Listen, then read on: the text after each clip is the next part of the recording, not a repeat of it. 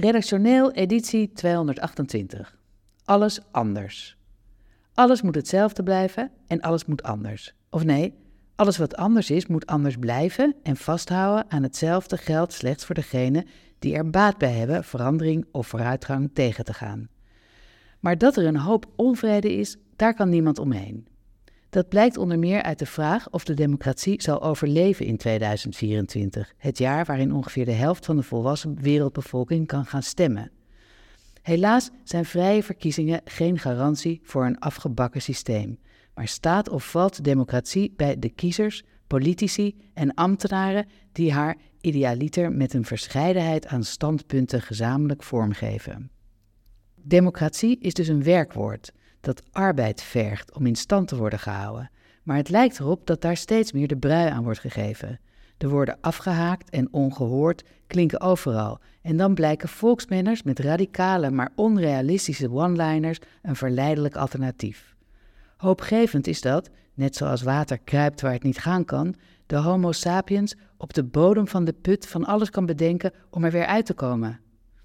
Zo gaat het provinciebestuur van Granada de leegloop van de Spaanse bergdorpen tegen door te investeren in waar we goed in zijn. En dus lag de oplossing bijvoorbeeld gewoon in de productie van serrano-ham.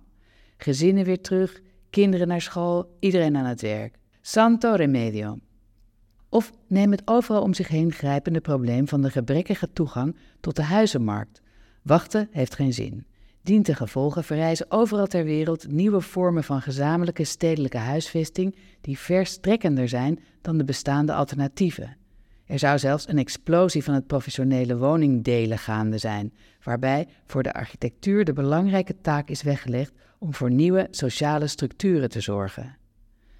Bijvangst is dat hierdoor eveneens de bestaande isolationistische normen van het kerngezin worden bevraagd en dat dit, wie weet, niet alleen tot andere manieren van wonen leidt, maar zelfs tot andere manieren van met elkaar leven.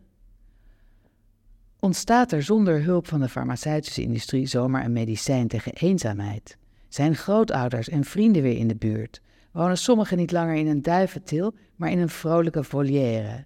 De zusters van de vallei zorgen voor de ontspanning en van de Japanners leren we de correcte zithouding, zodat stoelen geen overbodige ruimte innemen.